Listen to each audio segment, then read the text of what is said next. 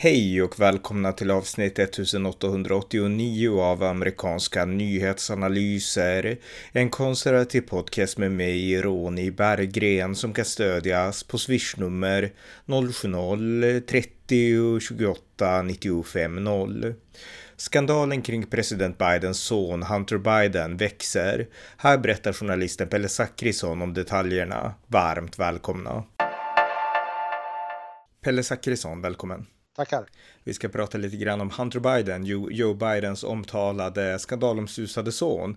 Och eh, skandalerna har ju susat länge, det är flera år som rykten har gått fram och tillbaka och det var prat i valet 2020 om en laptop som var förlorad och alla menade att en konspiration med laptopen fanns. Det var verkligen the laptop from hell som Donald Trump sa och det var massa otrevliga saker på den laptopen. Och nu är Hunter Biden inne i en ny skandal som är ganska omskriven. Kan du berätta lite övergripande om, om den här senaste skandalen?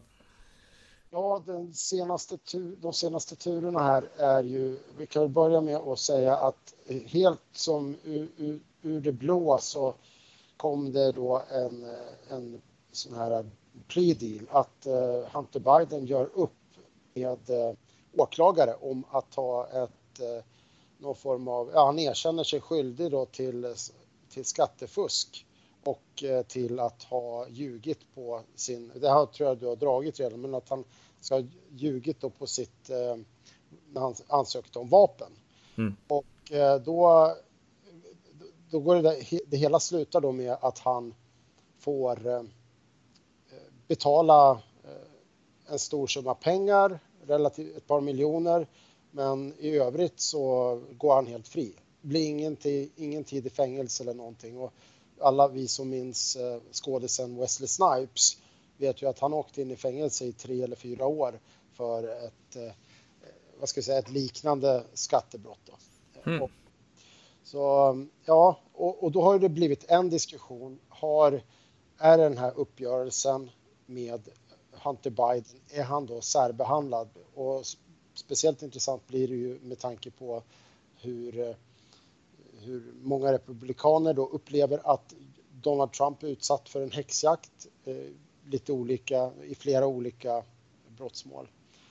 Och, eh, och då har du haft det där, det där kom för dryg vecka sedan tror jag. Och, men i torsdags då var det ett slutet utskottsförhör i representanthuset i någonting, ett eh, utskott som heter Ways and Means och det är ungefär skatteutskottet eller finansutskottet och är eh, kongress eller vad heter det, representanthusets äldsta utskott mm. för övrigt. Och, och, då hade man förhör med två stycken visselblåsare från, eh, som jobbat på IRS, alltså amerikanska skatteverket. Och eh, de kom med eh, alltså det, man kan inte säga någonting annat än att eh, det var eh, liksom, det är dynamit, de uppgifterna som kom där. Um, och eh, ja, det är väl ungefär så jag kan ja. Ja, nej men det var en bra introduktion där, för det är ju liksom en bakgrund. Vi visste ju några saker sedan tidigare, just det här att han hade gått med på en plea deal då, Hunter Biden, om skattefiffel och om det här med vapnet då som han hade ja, kastat i en soptunna. Den historien är så gammal och har tagits upp liksom fram och tillbaka länge och man har liksom undrat kommer det att väckas åtal eller inte och det blev så. Så att det, just det var, det, det nya i liksom just det, det var att han gick med på en plea deal, att han ändå erkände i viss mån att han var skyldig. Men sen kom den här då pangnyheten som du berättar om nu och eh, det är alltså som du sa en visselblåsare, jag tror till och med två stycken från IRS som vittnade då inför Ways and Means Committee eh, och de vittnade anonymt och eh, nu har då transcripts från de här vittnesmålen kommit ut då. Och det intressanta som de säger, därför att, eh, alltså, du kan få berätta vad de säger, men det intressanta med det de säger, det är att det ger liksom en indikation på att det inte bara Hunter Biden ensam, utan det är även en viss annan person, nämligen hans far Joe Biden, som möjligtvis är inblandad. The big guy, ja. Och jag, jag hunnit läsa de här eh, vittnesmålen då, men och eh, den det är två stycken som hörs från IRS och den ena är Gary Shapley, blir namngiven, den andra är fortfarande anonym. Och Gary Shapley, det hans, han inleder helt enkelt eh, sitt vittnesmål med att säga att han har bevis för att eh, justitiedepartementet har, har särbehandlat och uppenbart försökt fördröja och eh, förhindra utredningen av Hunter Biden. Och, alltså det är ju sensationellt bara det. Och sen så berättar han att Hunter Biden då som kallades för sportsman, alltså man ger då i USA sådana här kodnamn, så kallar de honom för sportsman och eh, då görs det en skatteutredning och han upptäcks när det görs en skatteutredning av en amatörporrplattform som finns i USA. Jag tror Björn nämnde det här i en tidigare mm. podd. Mm. Och, och då... Men nämn gärna detaljerna för att vi, jag fick inga detaljer av Björn. Jag har inte underläst ja. så mycket själv. Nej, men det, det nämns inte jättemycket detaljer, men det är att den här amatörporrplattformen är då under utredning för skattefusk. Alltså, det, det är en utländsk eh, porrplattform och då utreds den och i, det, i den utredningen dyker Hunter Bidens namn upp. Och då i, i, i allt det här så får så är då Hunter Bidens dator inlämnad på reparation och eh, det här är ju då Laptop from Hell. Och det som är sensationellt här det är att eh, Gary Shapley säger att FBI fick kännedom om Hunter Bidens dator redan i oktober 2019, alltså ett år innan, innan valet. Mm. Och man verifierade att det var rätt, att det var Hunter Bidens dator med hjälp av ett sånt där Apple-ID. Så att det, det, var inget snack, man visste att det var hans. Mm. I det, och, och sen kommer vi då till den här, det som är sprängstoffet det är det här WhatsApp-meddelandet. Men jag tänker bara säga innan du berättar om WhatsApp, alltså på den där datorn, på tal om just nu en porrplattform, alltså det som framkom senare, det har ju framkommit nu senaste året, det är ju att det fanns ju massa så här bilder med, alltså porrbilder egentligen, där Hunter Biden gör olika sexgrejer med olika kvinnor och så har han det på sin dator liksom och säkert lagt ut det någonstans liksom. Så att det var ju några av de här grejerna som fanns på datorn. Ja, men det är ju, alltså vad är det som säger att, att det inte Hunter Biden hade liksom tänkt att skicka in det till den där plattformen. Jag, nej, nej. jag håller ingenting för otroligt när det gäller den mannen. Är, som, han är, ja, helt otroligt. Ja, och gällande vapnet, han hade en ursäkt till det också, det var ju att hans äldre bror då, som dog i cancer, Bew Biden, som var en liksom hyvens kille, eh, han, eh, han menade att han, han sörjde så mycket, det var därför han drogade och höll på och det var därför det vart så mycket fel liksom. Så att eh, det finns också bakgrunden där hos Hunter. Ja, det, är alltid, det är alltid någon annans fel när det gäller Hunter Biden. Mm. Hur som ja. helst, det här WhatsApp-meddelandet, det är i den här datorn så har man då hittat ett WhatsApp-meddelande från Hunter Biden till en en kinesisk eh, affärsman, Henry Zhao. Och, och, där skriver Hunter Biden ungefär att ja, nu, ah, nu får du göra som jag säger. För om du inte gör det då kommer mannen, han, han som sitter bredvid mig eh, att bli eh, jäkligt arg. Och, och, då är ju det, eh, när man läser det här WhatsApp-meddelandet, då är det ju ganska tydligt att det är Joe Biden mm.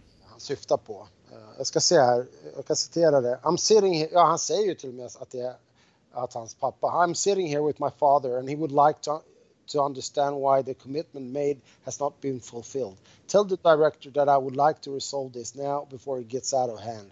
And now means tonight. And Z, if I get a call or text from anyone involved in this other than you, Zhang, or the chairman, I will make certain that between the man sitting next to me and every person he knows and my ability to forever hold a grudge that you will regret not following my direction. Att, eh, Han hotar ju nästan att om ni inte ja, gör som om jag ja. säger då, om ni inte svarar ikväll då minsann, då får ni min pappa ja. på er. Ja, och så avslutar han och säger I'm, si I'm sitting here waiting for the call with my father. Så och, det, ja. Och för att skjuta in en sak, det här var alltså den 30 juli 2017. Joe Biden var alltså vicepresident. Nej, det var han inte. Han var inte vicepresident då, men han var ändå liksom en viktig person liksom. Så att, eh, ja. Ja, men det som är det, det som är det avgörande här, det är ju att ah, han har ju förnekat att han någonsin haft med sin son Hunter Bidens affärer att göra. Han har ju sagt det rakt, rakt ut. Han har ju mm. totalt förnekat det. Och sen är det ju också det att om det här är ju direkt valavgörande. För att den amerikanska allmänheten behövde ju få veta om en av de två presidentkandidaterna inför valet, om de, man då får veta att den ena har varit del av någon form av eh, utpressning eller liksom påtryckningar mot en, en kinesisk affärsman. Mm. Och det, alltså vad den personen för lämplighet som att vara president? Nej men alltså hade det här kommit, jag menar tänk på hur mycket det har ältats om Trumps affärer hit och dit och jag menar det kan mycket, jag vet ju inte vad som är sant här. somliga saker kan säkert vara sanna liksom. Men jag menar det här med Hunter Biden och att det ändå fanns en slags stil där pappan Joe, vi vet ju inte exakt vad han visste om vad sonen skrev men liksom det är inte omöjligt liksom, alltså han eh, eh, utan tvekan hänvisade han just till sin pappa här och eh, jag menar det här borde ju såklart ha presenterats klart och tydligt i presidentvalet 2020, precis som det borde ha tillåtits att information om den här laptopen skulle kunna komma ut i sociala plattformar. Så att jag menar, absolut, det här visar ju återigen hur tydligt det blir att eh, man har särbehandlat liksom Biden fördelaktigt och Trump liksom, eh, ja, åt andra hållet negativt. Ja, det var också så här då att då ville man utreda det här och man Gary Shapley, den här specialagenten, han ville då göra husransakningar i i ehm, Hunter Bidens olika boenden. Och, och, då framkom det ju att han då bodde tidvis i sin pappas, eh, Joe Bidens, eh, gästhus i Delaware. Och, och då ville man ju göra en husrannsakan där, men då stoppades det där eh, ovanifrån. Mm. Och det, man, man fick höra då från en, en, um, en tjänsteman, uh, Leslie Wolf, att uh, men det, det, det, här är inget, glöm det. det är, det här är inget att tänka på. Bara för att dra till sin spets då. Justitiedepartementet under Merrick Garland tillsatte Joe Biden. Han låter göra en räd hos en tidigare president, alltså Donald Trump. Där blir en stormning av huset och då blir värsta FBI-grejen. Men han, men han får inte liksom göra en husrannsakan hos den sittande presidentens liksom omtalat liksom korrupte och eh, missbrukande son. Det går inte. Nej, och, och, det här är ju som, det här är ju innan Joe Biden blev vald. Det här är ju Just det. Mm. Så att, och, och, då kan, ju, kan man ju vän av ordning säga så här, ja, men när det här äh, blockeras då, då är det ju så att säga att Trumps äh, justitiedepartement, det är Just Trumps det, bra påpekan, bra påpekan. Mm. Men kritiken från republikanerna och från ja, amerikanska högern är ju drain the swamp. Alltså att det är en politisering av institutionerna som inte bara är kopplat till vilket parti det är som för tillfället har makten utan att ideologiskt eh, färgade personer finns inom de här myndigheterna. Och på justitiedepartementet så är det inte, då är det inte alla tjänstemän som byts ut vid varje, eh, vid varje ny, utan det är en, en del tjänstemän, de ledande tjänstemännen byts ut, mm. men många blir ju kvar. Som det är i Sverige ungefär då? Ja, ja Sverige, där, där är det ännu fler som blir kvar. Mm, jo, så är det. Jo, jag vet. Alltså det är skillnad. Nej, absolut. I USA så byts de ändå ut. Absolut, de på toppen byts alltid ut, så är det ju. Så att den skillnaden finns ju. Eh, ja. Nej, men så det, de ville göra en husrannsakan i gäst, gästhuset och, och det som var intressant där, det är att hade man kunnat göra den här husrannsakan också undersöka mobiltelefoner av Hunter Biden och Joe Biden. Då hade man ju kunnat kolla på med såna här äh, master och se om Joe Biden var i huset när, när Hunter Biden var där. Det, kunde, det man, kan man inte göra nu, för det, det har ju liksom gått för sent. Alla mobiltelefoner är ju förmodligen förstörda eller rensade. Mm. Och vi kan säga att det är ett utfall av just den här, om vi hoppar tillbaks till det här WhatsApp-hotet med den här kinesiska affärsmannen som säkert var korrupt också. Men det slutade i alla fall med att eh, Kinas kommunistparti betalade 100 000 läser jag här då till eh, Hunter Bidens eh, firma då. Så att... Eh... Och det, det, finns ju någonting i det här med Hunter Biden som är väldigt, väldigt, väldigt, väldigt oklart. Det, i det här förhöret då framkommer det att man, man tror att han har fått minst 17,5 miljoner dollar. Att det har gått till familjen Biden. Och då är ju frågan, den stora frågetecknet, är varför har han fått de pengarna? Vad är det han har gjort? Vad är det Hunter Biden har haft för eh, unika kvaliteter som har gjort att de här, alla de här utländska företagen har sagt att ja, men den här killen, han är ju liksom, han är så duktig så honom måste vi anställa. Ja, svaret är ju inga, utan det enda han kan erbjuda det är sin pappa liksom som är inflytelserik. Ja, men det är det här jag tänker att man journalister både i Sverige och i USA behöver ta ett par steg tillbaka och så bara tänka lite, vänta lite nu. Men vad är det här egentligen? Vad är det mm. som pågår? Det här har vi en, en uppen, till synes rätt vardaglig eh, person med allvarliga drogproblem som åker runt och höstar in en massa miljoner över hela världen. Mm. och, och, så ställa sig, man kanske ska ställa sig frågan då. Kan det vara så att det inte, är, att det inte står rätt till? Mm. Och man kan också ställa sig frågan då. Den här the big guy, alltså det har ju cirkulerat att Joe Biden är the big guy och, och allt tyder ju på att det är så. Och ska vi, det här med den här bärbara datorn, jag tycker det alltså, jag har svårt att komma runt det. Alltså. Ja, nej visst. Alltså om man säger så här då, alltså ingen kunde veta sanningen exakt för två, tre år sedan, men liksom eh, Trump var ut, utan tvekan det var roligaste, men han började ju prata om the laptop from hell hela tiden på varenda rally där hösten 2020 och så började han ropa liksom where is Hunter? Och så ropade publiken where is Hunter? Where is Hunter? De höll ju på att driva gäck med liksom Hunter Biden under hela hösten liksom och det var ganska kul att se liksom och då var det ju många som menade att han går för långt, han går för långt liksom, men så här tre år senare så, ja, det stämde visst ungefär.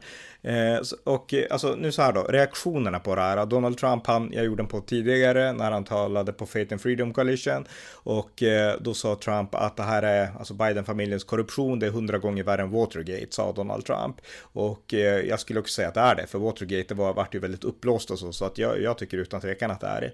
Men, men eh, sen så har vi också andra som Ted Cruz, republikanernas senator från Texas. Han vill nu ställa Joe Biden inför riksrätt för det här och det kan jag tycka det går för långt för att då liksom, då har man ett vinnande koncept men man går för långt med det så att folk blir, blir less på liksom, alltså, ja, man skjuter sig själv i foten lite tänker jag. Ja men så här, man, ta, ta inte en strid du inte kan vinna och det, du kan redan på förhand visa att du inte kommer vinna den striden.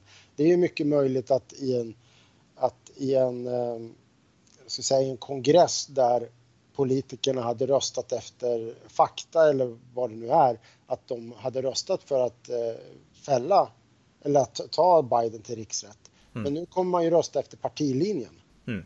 Och, och, då förlorar man i senaten. Ja. Det, det, är liksom ren matematik. Så det är ju idiotiskt att, eh, att ta en strid som du kommer få stryk på så att du i allmänhet, liksom det allmännas ögon framstår som en loser. Mm. mm. Så det är korkat. Och det, sen är ju Ted Cruz som han är, han är väldigt mycket liksom så här, lagar och, och förordningar. Men, mm.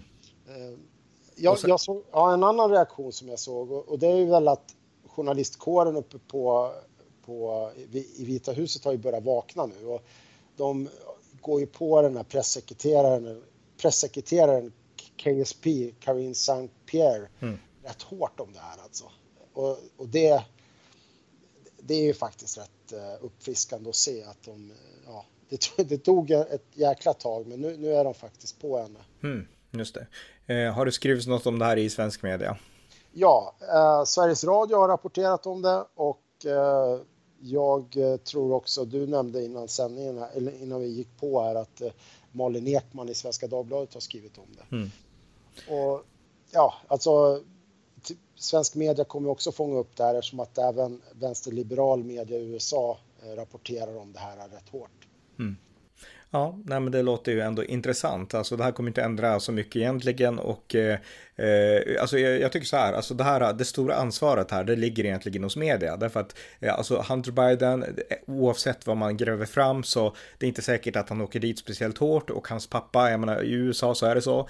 Demokraterna kan säga vad de vill om att ingen står över lagen och då menar de speciellt att Trump står inte över lagen. Men faktum är att eh, presidenten i USA står i viss mån över lagen och just nu är det Joe Biden, inte Donald Trump som är president. Och vill Joe Biden så kan han utan egentligen några större samhälls skal, eller samvetet är väl en sak, men han kan helt lagenligt benåda sin son. Det finns ingenting som förbjuder honom att göra det, om han skulle vilja det. Så, att, mm, så att det stora ansvaret här kommer att falla på media, så att de ändå rapporterar, liksom triggar upp att det finns en moralisk aspekt och verkligen visar på det, liksom oavsett utfallet. Ja, men jag, jag var ju inne på det i, i, inför val, första val, valet där när Joe Biden vann mot Trump, att är en person som är inblandad i sånt här lämplig att bli president? Och då tycker jag det är rimligt att ställa frågan, mm. är en sån person lämplig att bli återvald som president? Jättebra. Då, det här har ju, alltså tittar du i tangentens riktning här, då tycker jag att det blir extremt tydligt att Joe Biden kommer aldrig bli vald till president. För att han kommer, om media gör sitt jobb här och det visar sig att det här WhatsApp-meddelandet stämmer. Stämmer det här WhatsApp-meddelandet eh, och, och det inte finns någon konstig förklaring, då, då är Joe Biden ja, förmodligen rökt. Mm, I synnerhet om man kände till det, för jag menar det vet vi väl inte han har, ju, mm. han har ju förnekat det och han kan inte skylla på att han eh, liksom är dement. Nej. För då, då, då är han ju inte heller eh, liksom lämplig. Nej, men det, det, det, jag tänker är att Hunter Biden skrev det här och bara liksom hänvisade sin, till, till, sin far utan att liksom pappa Joe visste det liksom. Mm. Jo, det, det, är ju det som förmodligen kommer vara förklaringen då. Och mm. det är väl Hunter Biden har redan försökt eh, och via sin advokat skylla på att han var eh, svårt, eh, vad heter det? Påverkad? Nar ja, narkotikaberoende under den här perioden. Mm. Så, men, det, men och sen har vi ju det här med att Joe Biden bara någon dag efter det här efter den här plea-dealen med Hunter Biden eh, som Hunter Biden får så bjuder han in Hunter Biden till den här eh, eh det? stadsmiddag med Indien. Eh, och, och får han gå på det, liksom det absolut finaste middagen som, som finns. Ja, bara häromdagen alltså. Det var ja, ju, ja precis. Mm. Och, och minglar då med Merrick Garland. Justitieministern och, som ska åtala honom. ja, alltså mm. det, nivån på det här är ju, det är som att titta på House of Cards eller någon sån tv-serie. Mm.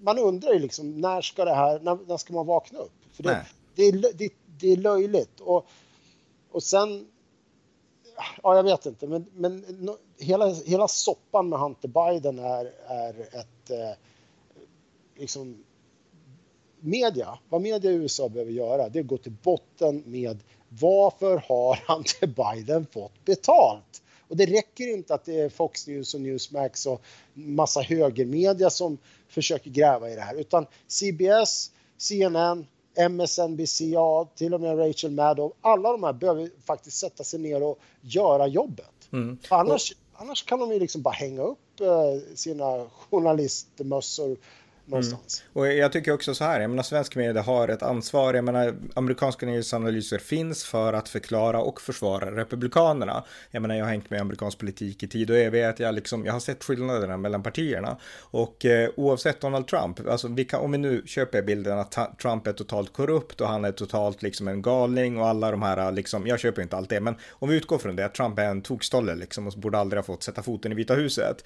eh, då ska vi ändå komma ihåg att många av Trumps liksom, liksom, många i Trumps stab, många i Trumps liksom eh, olika ministerposter, de var ändå bromsklossar mot Trumps riktiga tokigheter. De försökte inte riktigt skydda honom. Jag vet ju att det finns en vänsterliberal bild av att det var så, men faktum är att det var inte så. Om man tar valfusket till exempel, eh, Merrick Garland, den nuvarande justitieministern, hans företrädare hette, hette ju William Barr, det var Trumps justitieminister och eh, Trump beordrade honom, alltså president kan ju inte det riktigt, men han ville ändå att han skulle gräva fram valfusk och Bill Barr, han spelade med lite grann okej, okay, vi ska kolla lite grann, sen kom han fram till slutsatsen att nej, det var inte valfusk, konstaterade William Barr. Så att han bekräftade ju inte Trumps liksom egna liksom idéer, utan han, han sa sanningen, även om han gjorde det på ett sätt så att liksom inte bara körde över Trump då. Och många andra försökte vara bromsklossar, men om vi tar 6 januari, Mike Pence, den stora hjälten, han gick tvärt emot. Alltså han gick ju totalt mot Trump där då 6 januari. Och det fanns andra i kabinettet som var likadana. Eh, jag menar i Bidens kabinett, eh, då spelar man med liksom i liksom det som gynnar Biden. Jag menar Merrick Garland nu och eh, jag menar lite grann Hunter Biden och så vidare. Så att jag menar, det, och visst de försöker vara objektiva, men tittar man krasst på det hela så tycker jag att de här sunda ministrarna i Trumps kabinett, de var mycket sundare, medan demokratiska ministrar, de spelar med i partipolitiken på ett helt annat sätt sätt. Och den skillnaden, det är liksom en kulturell skillnad mellan partierna. Nu skulle jag väl säga att liksom inom Trump-falangen av republikanerna så är det exakt likadant och kanske värre. Men inom de klassiska republikanerna, då finns det ändå en skillnad med att man är mer liksom beslutsamma om, om, att vara objektiva och liksom kunna ta strid även mot sina egna än den kultur som finns inom Demokraterna. Och det är någonting som jag tycker man, alltså en sån här sak borde göra att man liksom ändå kunde lyfta fram den skillnaden.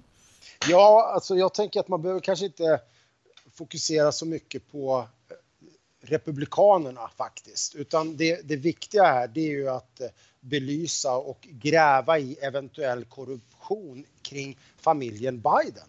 Mm. Och, och också riktigt lysa igenom vad är det de har sysslat med. Och eh, nu, nu har ju Fox News och flera andra högermedier, de har listat eh, om det är ett tiotal familjemedlemmar i Biden-familjen som då enligt uppgift från James Comer eh, som eh, sitter i något sånt där utskott för Republikanerna. Att ett tiotal då som ska ha fått betalt mm. på olika sätt. Och då är det ju så här, varför? Varför har de fått betalt?